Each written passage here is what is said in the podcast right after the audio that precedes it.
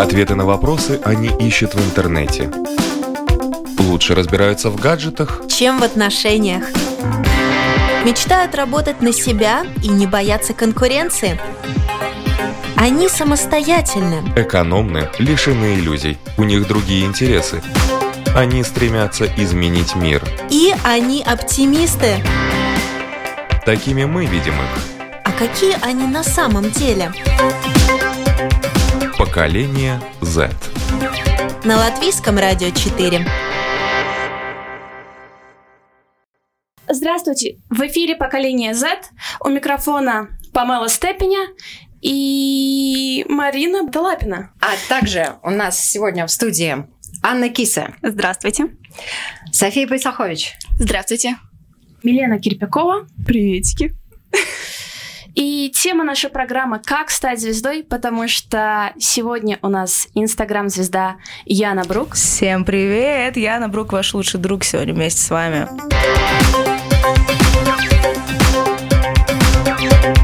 Поколение Z. Как вообще появилась идея создать свой инстаграм? Ну, я свой Инстаграм веду уже, по-моему, уже, а, нет, уже пятый год. А, идея, я на самом деле не хотела mm-hmm. заводить Инстаграм, просто был такой бум, было так модно. Одно время сидели на Фейсбуке, потом что-то все перешли на Инстаграм, и я вообще была против этого, и думала, что вообще никогда не заведу там профиль, аккаунт. Но так как-то стало необходимо, реально все туда перешли, и поэтому я решила, что заведу-ка я это дело тоже.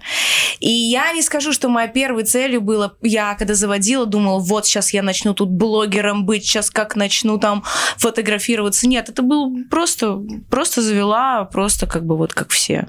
То есть это такая была идея. Не было идеи даже, скажем, поначалу. Тебя вдохновляют какие-то фотографы или модели, чтобы создавать собственные фотографии? Да, конечно, безусловно. Я могу сказать, меня вдохновляет вообще все, что вокруг меня происходит. Даже не то, чтобы фотографы, модели, меня вдохновляет что сейчас актуально, о чем говорят люди, какие проблемы, может быть, даже какие-то политического характера проблемы. Меня вот такие вот вещи вдохновляют. А что из политики тебя интересует? Ну вот э, были такие темы, которые я затрагивала касательно того места, где я живу, где я родилась, особенности. Есть у нас такая, такая проблема, мы все знаем отношения между молодежью латышами и русскими. И эта тема меня очень касается. Я думаю, что вообще это касается всех, каждого вот молодого человека, девушки, парня в Риге, в Латвии. Я очень как бы не понимаю, почему у нас есть какие-то недосказанности и почему некоторые действительно вот, ну, за то, чтобы вот это разделение было таким жестким между нами. И даже вот такие вещи меня вдохновляют, вдохновляют на то, чтобы создать какую-то фотографию, написать какой-то пост и своим примером, возможно, соединить или хотя бы чуточку изменить какое-то отношение у молодежи к этой ситуации. Ну, это очень, на самом деле, интересная и такая глубокая вдруг тема. Да, а, да. Если посмотреть на твои фотографии в Инстаграме, привлечение основной аудитории это произошло, наверное, за счет э, полуобнаженки. Да. Я не, не отрицаю, никогда не отрицаю, кстати, фотографии свои и не, или не говорю там, ой, нет, это там я не знала, что делала, там разом затмил вообще мое все. Нет, я ничего этого не отрицаю, потому что мне это действительно нравится, я там действительно люблю свое тело и люблю так фотографироваться. Я просто хочу показать своим примером то, что девушка, которая так фотографируется и так себя показывает, это не означает, что она глупая, необразованная, не разбирается то, что ее не волнуют проблемы общества там, или женщин. То есть она может оставаться сексуальной, э, всеми обожаемой, желанной, но при этом она может еще нести какие-то хорошие вещи в социум. И хочу вот это разбить, вот эти понятия людей. Если она такая, то значит она такая. А я такая, а, нет, не так, может по-другому быть. Ты не такая, но ты завернулась э, в национальный флаг. Вот национальный флаг для тебя что? В принципе, ну, это как символ. Я не знаю, девчонки, давайте, давай, давайте спросим девчонок. Вот ты бы смогла завернуться в национальный флаг в обнаженном виде? Только в одетом. Только в одетом, но смогла бы завернуться, да? Хорошо. Да? Что ж, вопрос непростой, потому что я не слишком уж патриотичный человек, но, как по мне, спокойно, я бы спокойно завернулась, потому что а, флаг — это флаг, и это не значит, что я не уважаю свою страну. Обнаженный. А в чьей стране, флаг чьей страны ты бы хотела больше завернуться? Ну, это уже сложный вопрос. Флаг чьей страны согрел бы тебя миллион? Меня? Да. Ты бы завернулась?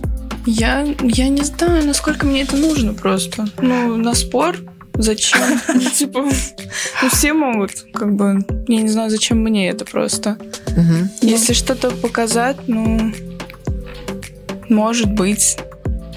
Ну а что показывать? Я особо, ну не знаю, как это объяснить. Типа, мне кажется, ну вот если с посылом, как у Яны, то что она хотела показать, насколько ей страна близко как бы к душе, то это К телу. понятно. Ну, К телу, к душе. ну. Ну, Ты же- Ян, давай, давай ты скажи за себя.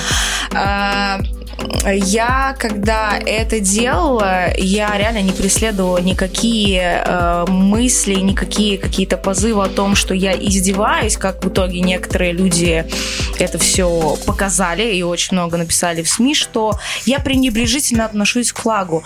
Но э, я написала большой комментарий к этим фотографиям. Я это не выставила так, что вот я такая завернулась и такая, думайте, что хотите. Я это сделала, я это объяснила, и мы все, многие знаем, что, допустим, флаг Америки можно часто увидеть вообще у, у разных э, моделей, которые заворачиваются, да даже у порно-моделей, которые носят купальники с этим флагом, заворачиваются, и все восхваляют, радуются, и, и все к этому относятся патриотично.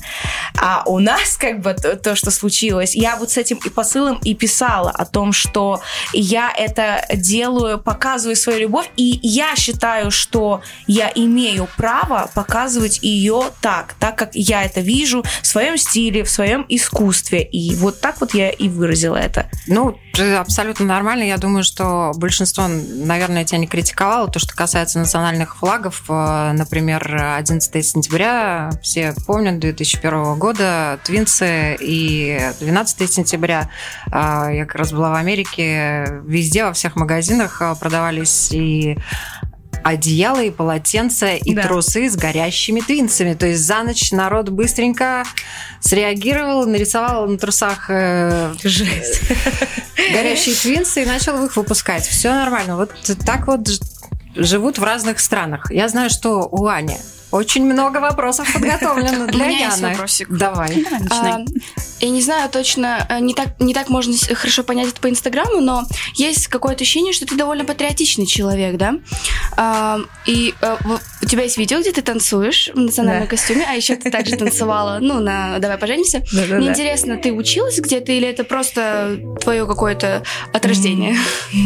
Э, Ну, я с маленького возраста э, училась, ходила на кружок э, латышских национальных традиционных танцев. То есть, типа, как бы это я придумала не просто так, это я взяла, правда, из какой-то части своей жизни, когда нужно было, вот на «Давай поженимся» мы ездили, нужно было придумать, ну, этот сюрприз, там делать сюрприз для жениха. И я реально такая, нужно станцевать. И я такая, нужно станцевать в традиционном латышском костюме. И я не готовила танец, это полная импровизация, ничего я там не учила. Импровизация это вышло хорошо, потому что я помнила просто те движения и как я танцевала тогда. Но да, я не знаю, меня спрашивают часто вопрос, патриотична ли я. Скорее да, чем нет. Мгм. Ну, вот так вот. Интересно, что в путешествии вот на «Давай поженимся» ты писала в своем инстаграме, что хотела бы остаться в Москве. А где патриотизм?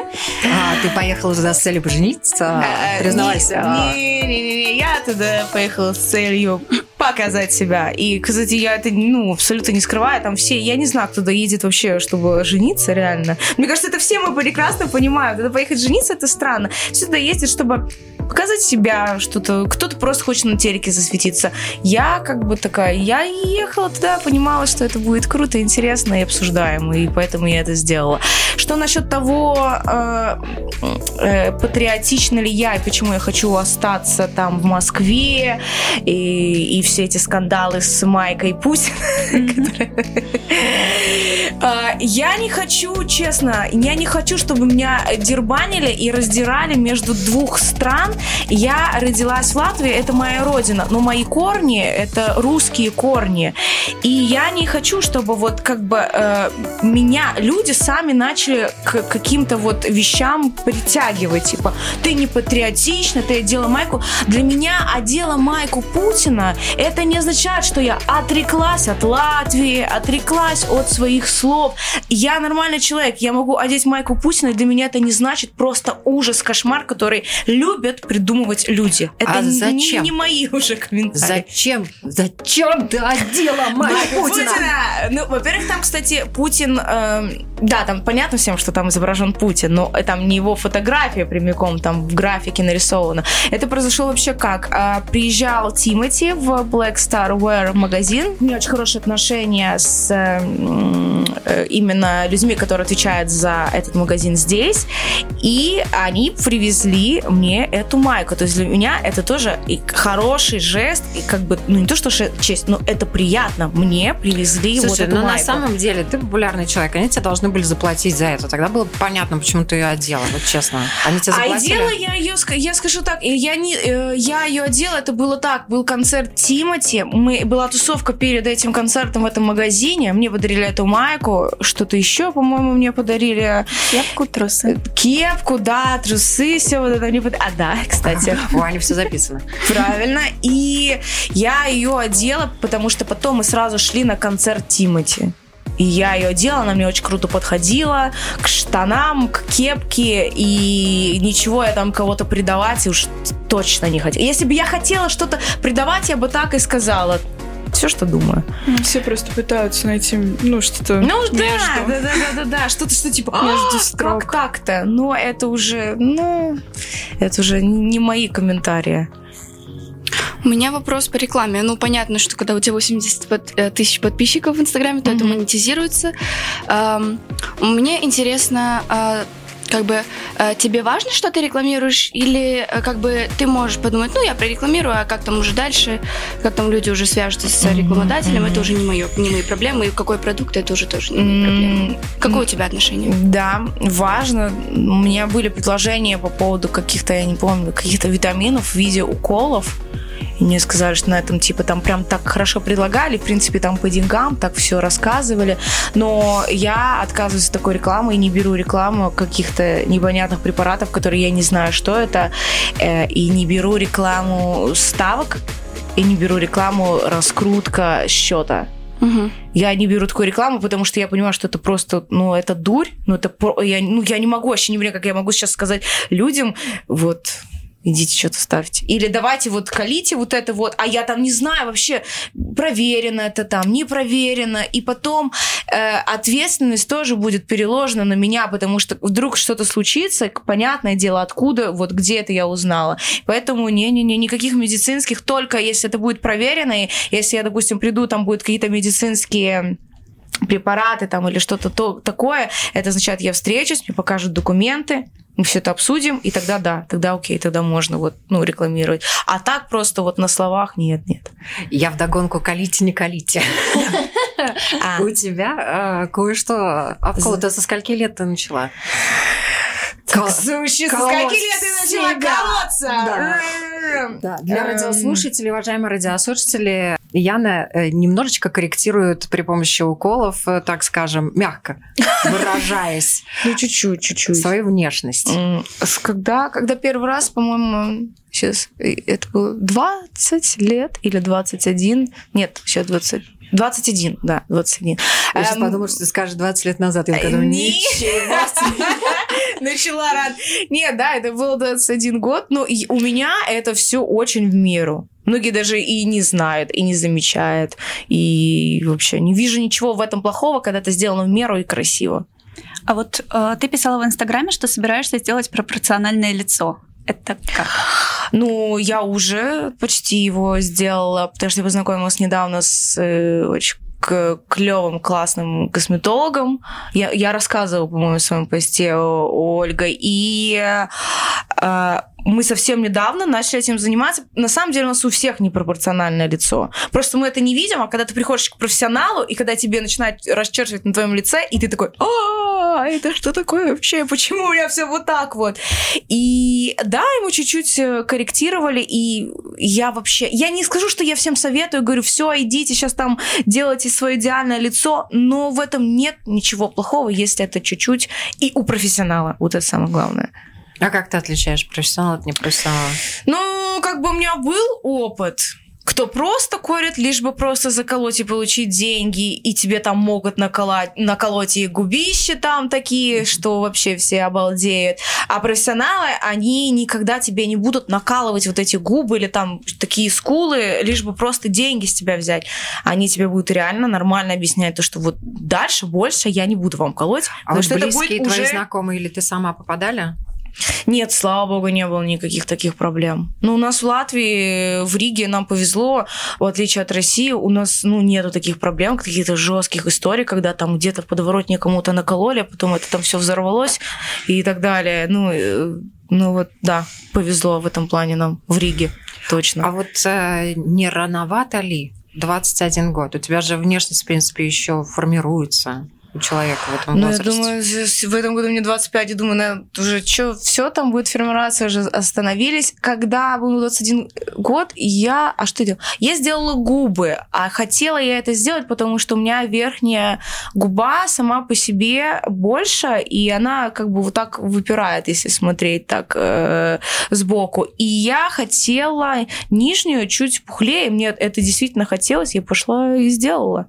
И я такая, ну, хочу и сделаю. И всё. ты чувствовать себя по-другому стала? Я- вот самое еще главное, я это не делала для мужчин. Нет, нет, нет, я это сделала для себя. Я хотела, я это сделала, да, и я такая ходила, и сама кайфовала, смотрела на себя, такая, ай, как хорошо. Даже, мне кажется, поначалу даже это никто не заметил, но я такая, «А, вот, шикарно. Ну, то есть вот реально это было для меня. Ну, это не сделало меня счастливее, это просто как-то, ну, так погладило мне душу внутри, вот так назовем это. А ты расстроилась, когда тебе отказали? Когда, когда какой-то раз мне отказали, когда я пришла, хотела себе еще губы, я, да, я такая, типа, это что за ерунда? Я пришла вам платить свои деньги, а вы мне не хотите что-то заколоть. Я, я была возмущена, но все равно пошла и сделала, нашла у другого. Ты на, на это вот такое впечатление, что немножечко подсела, нет? Не-не-не-не-не, Ну, внешне я, например, сразу вижу, что ты доделанная, так скажем. Докорректированная, мягко выражаясь по фотографиям. Да, ну, я, я выгляжу доделанной?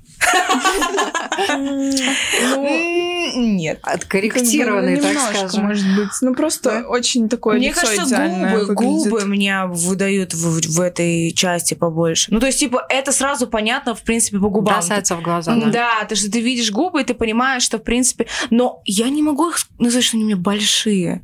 То есть я реально не могу. Я иногда вижу девушек там реально, оп, там уже все ясно. Но нет, не подсела точно, это сто процентов. Я просто знаю, э, читала истории там в том же Инстаграме, где реально девушки подса- подсаживались, и там уже не лицо, а там какие-то непонятные фигура непонятная на лице уже появилась. И, а, и хорошо, что эти девушки как бы в какой-то момент остановились и поняли, что они подсели на это. Но нет, у меня не все так критично. А Не-не-не. что дальше? А, да, а что дальше? А что я хотела дальше? А я... что- Ну, пока меня устраивает мое лицо. Может быть, я что-то еще подкорректирую, но это не, это не будет супер какие-то там коррекции, типа прям операции большие. Нет, точно Ну, а не с буду возрастом на пластику. Под А посмотрим, под а посмотрим, посмотрим, как я вдруг захочу, не захочу. Может быть, я не знаю. Может быть, мне захочется, может быть, нет. Вообще, вот на будущее ничего не могу сказать. Как там будет, что там будет. Реально, кто А у знает. тебя есть, я знаю, например, сестра, как э, она к этому отнеслась? А да, нормально. Она просто говорит, главное, Яна, не перебарщивай. Я говорю, я не перебарщиваю. Ну да, нет, как бы. Я думаю, э, у меня э, сестра и семья достаточно, как бы, мы дружелюбные и близкие, и если я начну перебарщивать реально, и там будет уже, то они скажут, «Да не знаю, давай идем к психологу или как-нибудь решаем эту проблему, потому что мы уже не узнаем тебя. А так как бы, ну, Была у меня все время идея насчет э, груди, увеличения груди, но как-то все время у меня такая двоякая насчет этого мысль. Вроде как бы и да, красиво, а с другой стороны, а зачем надо, если и так красиво? А что еще говорит про тебя твоя сестра, мы сейчас узнаем. Потому что она дала нам интервью, интервью Кати, сестры Яны Брук, пожалуйста. Давайте. Ну, как говорится, звездность не приходит не сразу. Мы не сразу поняли, что она э, звезда стала звездой для других. Я как уже упомянула, что она для нас-то всегда была звездой, а тут раз, и она уже звезда для многих людей. И мы всегда ее поддерживали и поддерживаем. И знаем, что это большой труд, много всяких занятий, дел, работы и так далее мы ее очень любим, и мы ее очень дружная семья, поэтому вообще в семье друг друга все поддерживаем. А как конкретно вы относитесь к тому, что у нее есть обнаженные фотографии? Э, честно говоря, сначала немножко удивлялась, потому что я бы сказала, я немного более консервативная и Сначала думала, что это как-то, ну, может быть, как-то, ну, странно, но потом я поняла, что это ее часть эм, работы и то, что ничего как бы пошлого совсем такого нету у нее. Она делает это красиво, естественно, и сейчас в наше время, мне кажется, уже этим так так особо и не, не удивишь. Но если она себя чувствует комфортно в этом, это большой плюс, и ничего плохого в этом не вижу. Интересно то, что у вас нету совместных публикаций. Да, есть такое. Но я вообще не пощу фотографии ни с родителями, ни с семьей, ни с молодым человеком. Я все, что личное э, для меня. Поэтому считаю, что это как бы должно быть отдельно. Но вот э, с Яной на самом деле, если очень присмотреться, а давным-давно, когда заканчивал университет, есть одна фотография, и там есть Яна. И вот летом у меня был день рождения, она мне сделала сюрприз и прислала видео поздравления с Интерсом Бусовым. Ну, так как это мой любимый латвийский певец, я э, запостила на Facebook, потому что хотела, ну, чтобы все все же увидели. И поэтому мне... Вот там она есть, и это такая публикаций. С тех пор мне кто-то даже начал спрашивать, а что это твоя сестра? Я говорю, ну да. А не мешает ли имидж сестры вам в продвижении? В моем да. продвижении? Но я живу в Испании, мне как бы это вообще не мешает. Наоборот, э, очень приятно. Всегда люблю с ней куда-то ходить, хотя Яну очень сложно поймать даже для меня. Она всегда очень занята. Но наоборот, даже больше каких-то интересных событий, мероприятий. И если я могу тоже участвовать, я тоже всегда присоединюсь и помогу. Не хотели бы что-нибудь передать Яне сейчас? Яна, я тебя очень люблю и продолжай в том же духе, и ты самая лучшая, и ты настоящая звезда.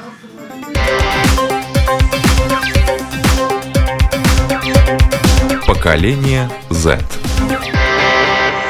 Очень-очень-очень мило. Вот такой интересный вообще, такой контраст, я бы сказала. Сестра-консерватор, да. Совершенно... А я открыватор полный. Ну, кстати, по поводу... Ну, вот все как бы немножко цепляются к тебе, потому что у тебя более такие обнаженные фотографии. Да. А, я ничего в этом такого не вижу. А, но у меня вопрос такой. Как бы у тебя есть такое трилогия твоих обзоров на ТикТок. О, а, да. Да. В общем, я рискала, чтобы вот задать какой-то каверзный вопрос. Р, а, значит, я прям искала. вот. А, в одном из тиктоков там девочка как бы танцует, ну, с задней стороны, спиной mm-hmm, как-то там танцует. Mm-hmm. Ты говоришь, ну, девочка, все, все понятно, то все смотрят на твою попу, а что дальше никому не интересно. Хорошо. Mm-hmm. Да, я согласна, но по сути ведь твой инстаграм тоже такой... Э, с попой. Да, ну вот, может быть, э, посмотрят на попу, а пост уже читать не будут. Ну, это хороший вопрос, на самом деле, хороший вопрос, и у меня есть ответ на этот вопрос. А, э, я не могу, да, отрицать, что, типа, смотрит на попу, есть кто вообще только приходит посмотреть на просто красивые там эротические фотографии. Но я и моя аудитория, мы растем вместе, и я это очень чувствую. И я с, с возрастом даже с годами я поняла, что я расту, и что мне уже даже самой не очень сильно интересно показывать только там попу или только там красивые какие-то кадры. Я стала вот писать, я стала затрагивать темы, и я поняла, что людям тоже интересно не только посмотреть на... Им, конечно, нравится, всем нравится, ну, я надеюсь, что всем нравится. Всем нравится, и женщинам, и мужчинам. То есть, как бы, э, на самом деле у меня по статистике даже раньше было мужчин больше, потом стало женщин больше. И это мне очень нравится, потому что я вот выросла из того, что, типа, все смотрят на твою попу, а никто потом не будет смотреть. У меня уже сейчас ушло в то, что они на попу посмотрят и почитают, что же я там говорю. У тебя в Инстаграме а, очень много мыслей. Да, Да, в том да. числе и с матом.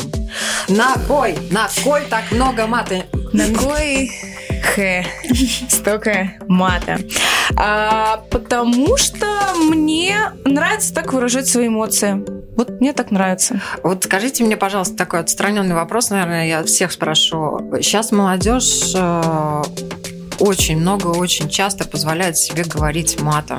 Об этом говорят э, люди более старшего, наверное, поколения. Мгм. Это бросается в уши, да, и это режет слух. Так ли это? И почему это происходит? Ну, я считаю, что это не более чем деформация языка, потому что то, как мы говорим даже здесь сегодня за столом, людям 19 века показалось бы очень-очень нетактичным. Эм, да, я считаю, мат не- это не очень хорошо, потому что одно лишь слово, которое мы не произносим сейчас, может выра- выражать, ну, почти все, что угодно, вещь, да? Это может быть все, что угодно. Говоришь, вот такая у меня появилась. И это может быть все, что угодно. И мат это как бы лишает речь разнообразия, да, но мат при этом очень э, сильно эмоционально наполнен. Если тебе нужно общаться с обычными людьми на какой-то эмоциональной волне, тогда тебе мат, э, ну, просто Не, ну необходим. почему такая разница восприятия и отношения к мату поколений, да? То есть ваше поколение Z э, очень свободно владеет и передает мысли, Эмоции. да, а старшее поколение владеет, но использует Ну, это достаточно цензурированно.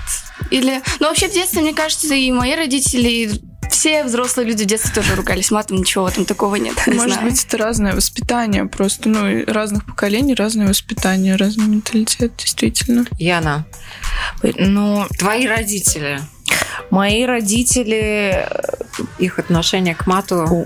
Я вообще скажу, что у меня все в порядке с речью. Я могу выражаться спокойно, не используя мат. Так мы это слышим да, сейчас. выражать свою речь, чтобы это было понятно и конструктивно и так далее.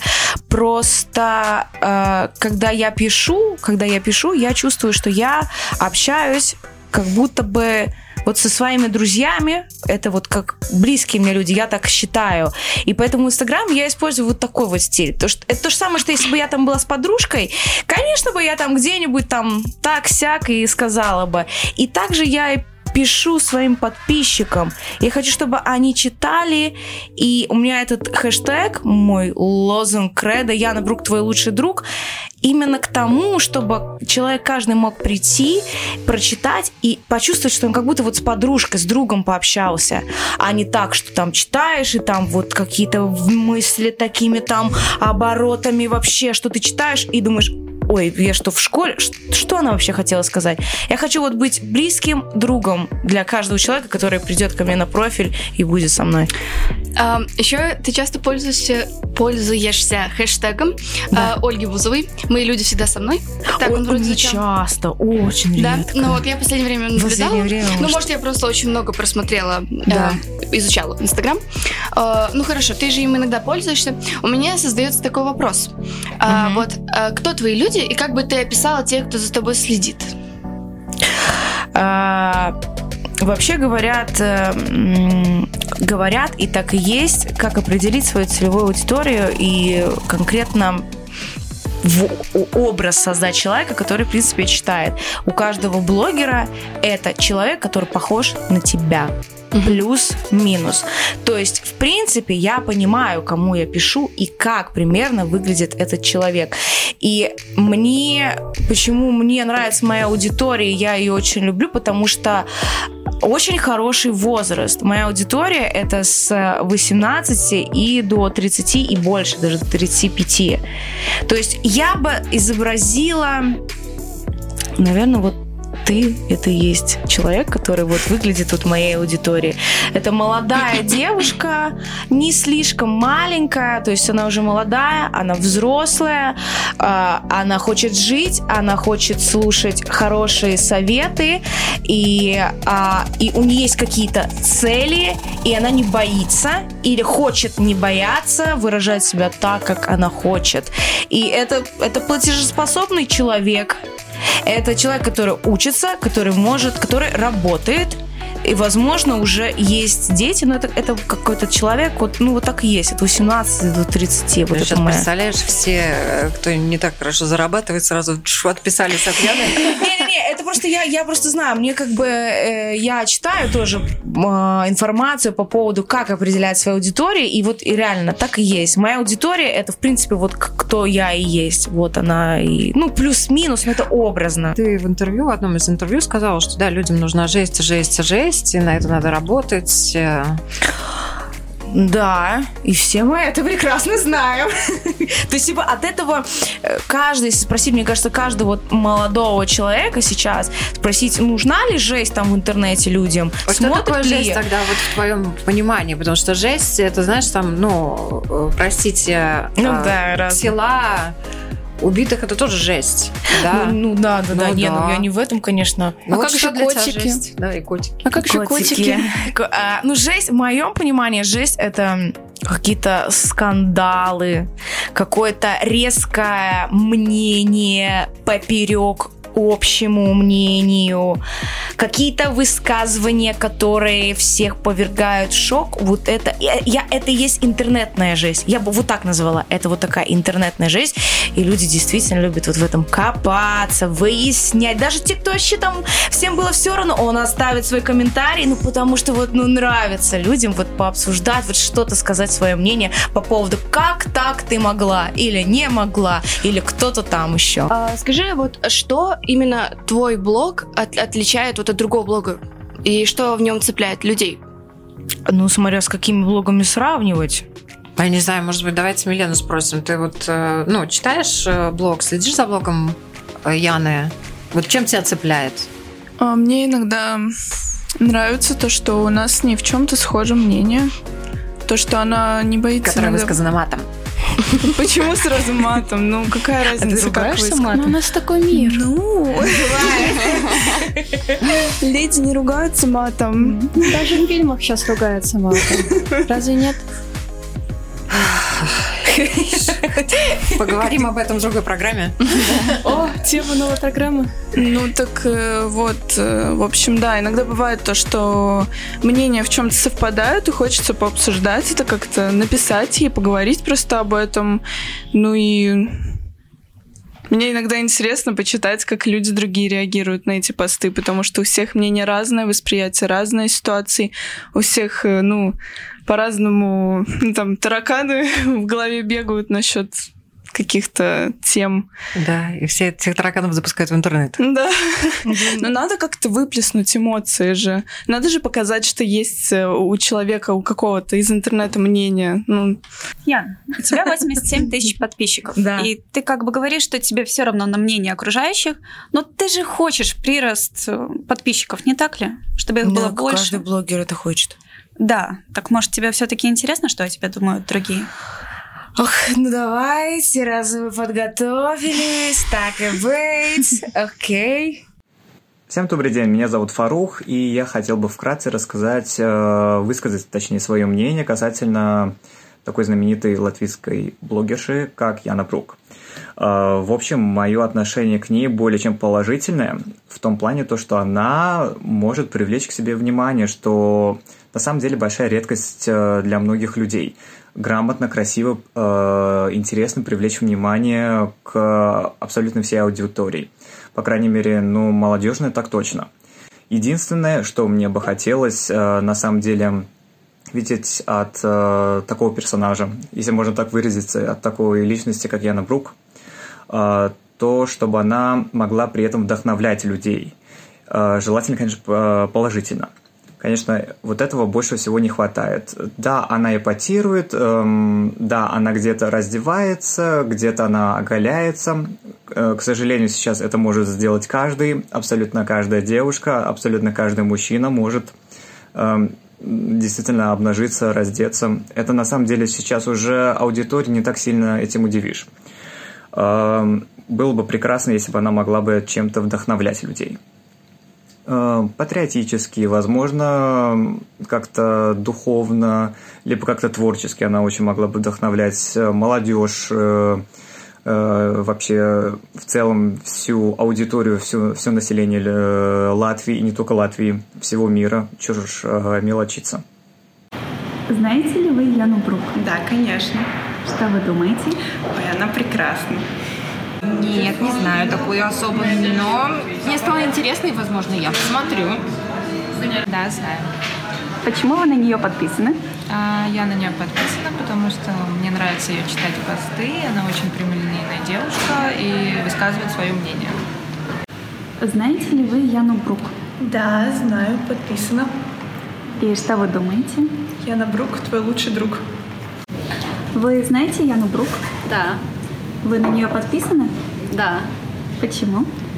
Ну, она такая очень смелая девушка. Она часто выкладывает такие смелые фотографии, какие-то видео, которые, например, я сама не могла бы выложить, поэтому она вдохновляет тоже этим. Вот выкладывает эстетичные, красивые фотографии, даже сексуальные иногда. Вот, и это мне и нравится. Смелость, дерзость, красота, эстетика. Знаете ли вы Яну Брук? К сожалению, нет. И мне кажется, это мой самый главный минус. Заочно. Подписаны? А, нет, не подписаны. А почему? Скорее всего, просто, наверное, не тот контент, которым я увлекаюсь, но я против ничего не имею. В принципе, она веселая девочка, иногда где-то я слышу про нее из новостей. Да. Ну, да, не подписана.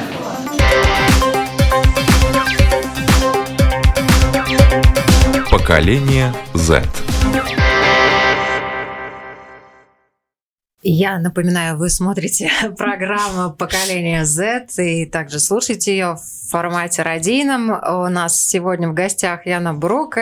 Тема нашей программы «Как стать звездой». И также вы нас можете смотреть в интернете на таких а, ресурсах, как Instagram, YouTube, Facebook, ну и на нашем сайте www.lr4.lv.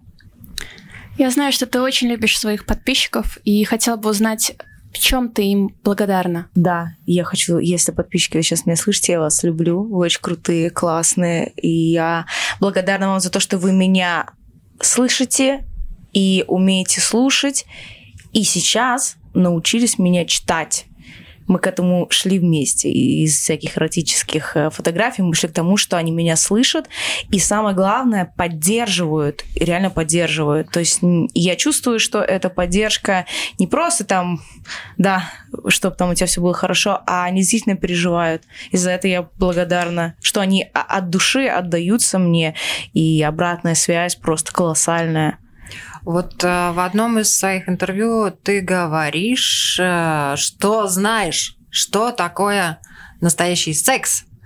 И это, наверное, также э, любопытно подписчикам, без ложной скромности, а, да, эта тема такая табуированная в нашем обществе, если достаточно об этом да. откровенно говоришь, это цепляет, народ хочет знать, если не как у них у самих, то хотя бы как у Яны Брук, там с сексом. Вот. А, э, мне кажется, все знают, что такое секс здесь, нет? Кто не знает, У нас есть несовершеннолетние. А, ой, извиняюсь. Извиняюсь. Ну, я, да, знаю, что это такое. Вот так вот. Не, ну ты знаешь не просто, что такое секс, да? Ты заявляешь о том, что это, что ты знаешь, что такое хороший. Да, я знаю, что такое хороший секс, и желаю каждой женщине это узнать или знать. Мое пожелание от души. А с кем лучше, с мужчиной или женщиной? Э, У меня был разный опыт. И не, как бы не буду даже это скрывать, не вижу вообще в этом какого-то, не знаю, там просто... Хотя, наверное, для кого-то это кошмар и ужас, но это как бы... Не могу сказать, с кем... По-разному. По-разному. Вот так, по-разному, да. Э, Также недавно ты выложила информацию о том, что у тебя а, был а, секс э, с, с незнакомым мужчиной на пляже.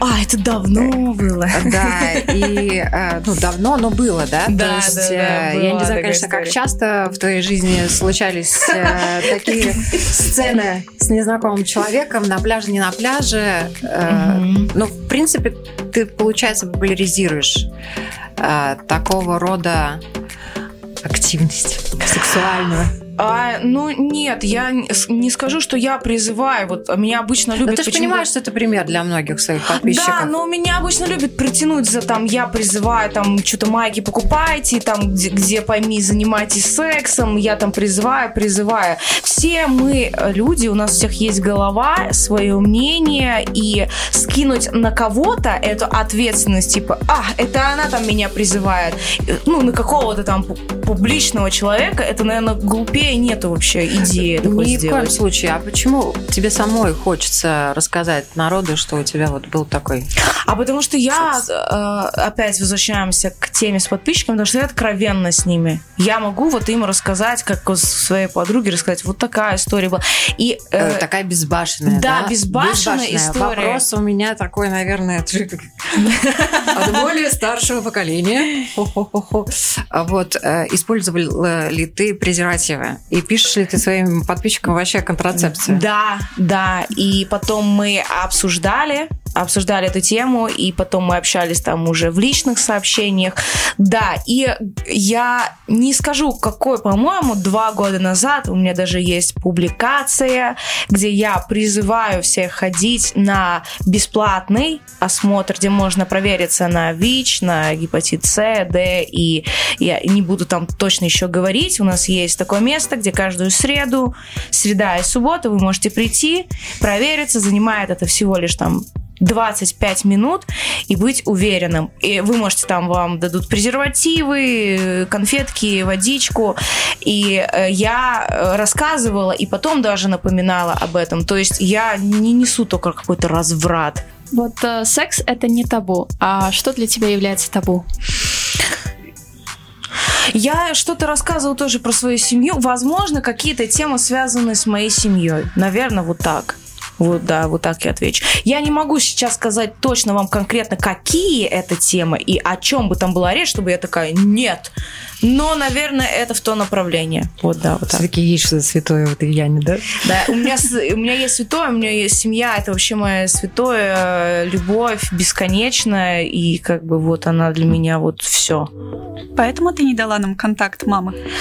А я, я, кстати, сегодня с ними виделась, и э, я маме говорю, я могла дать твой контакт, ну, типа, меня спрашивали, она говорит, ой, не надо.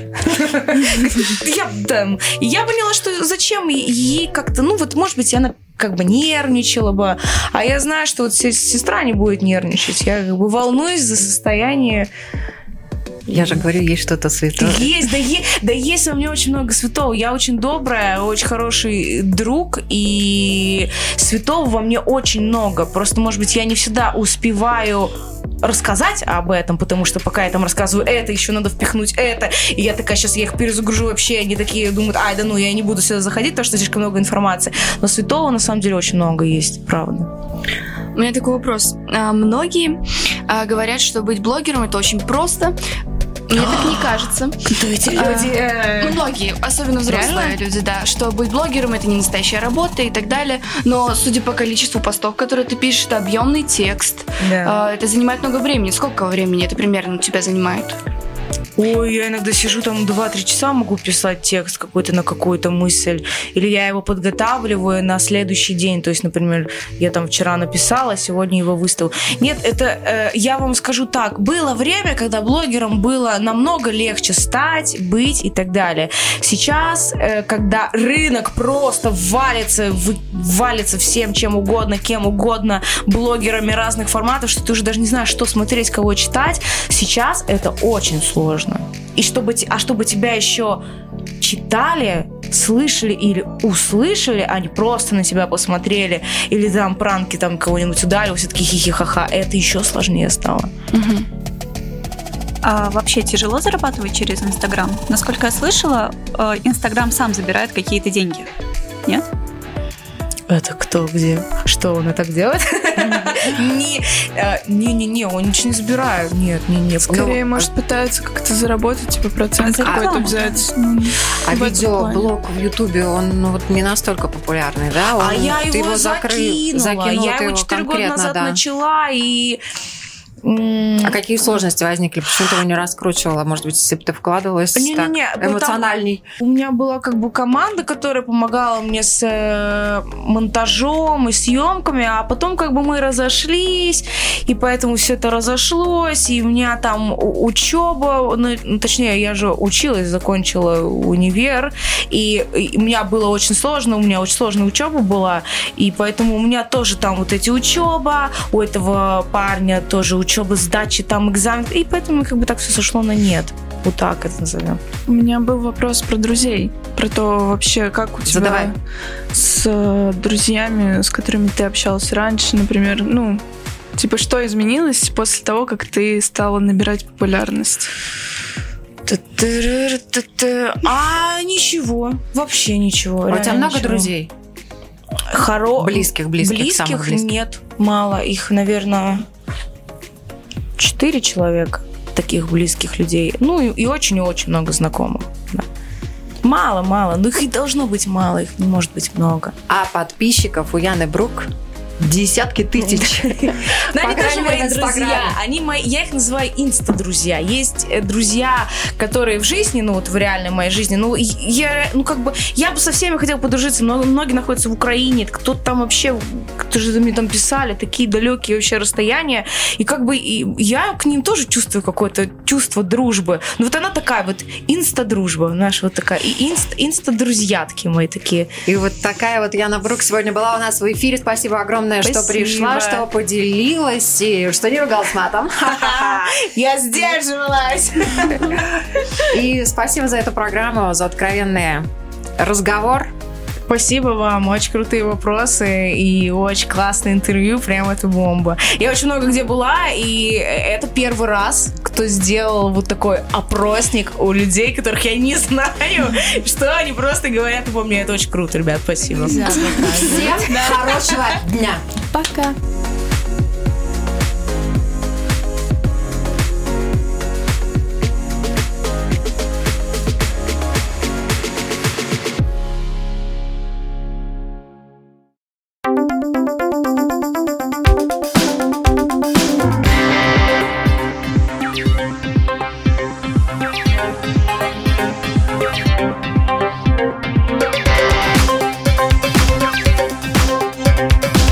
Поколение Z.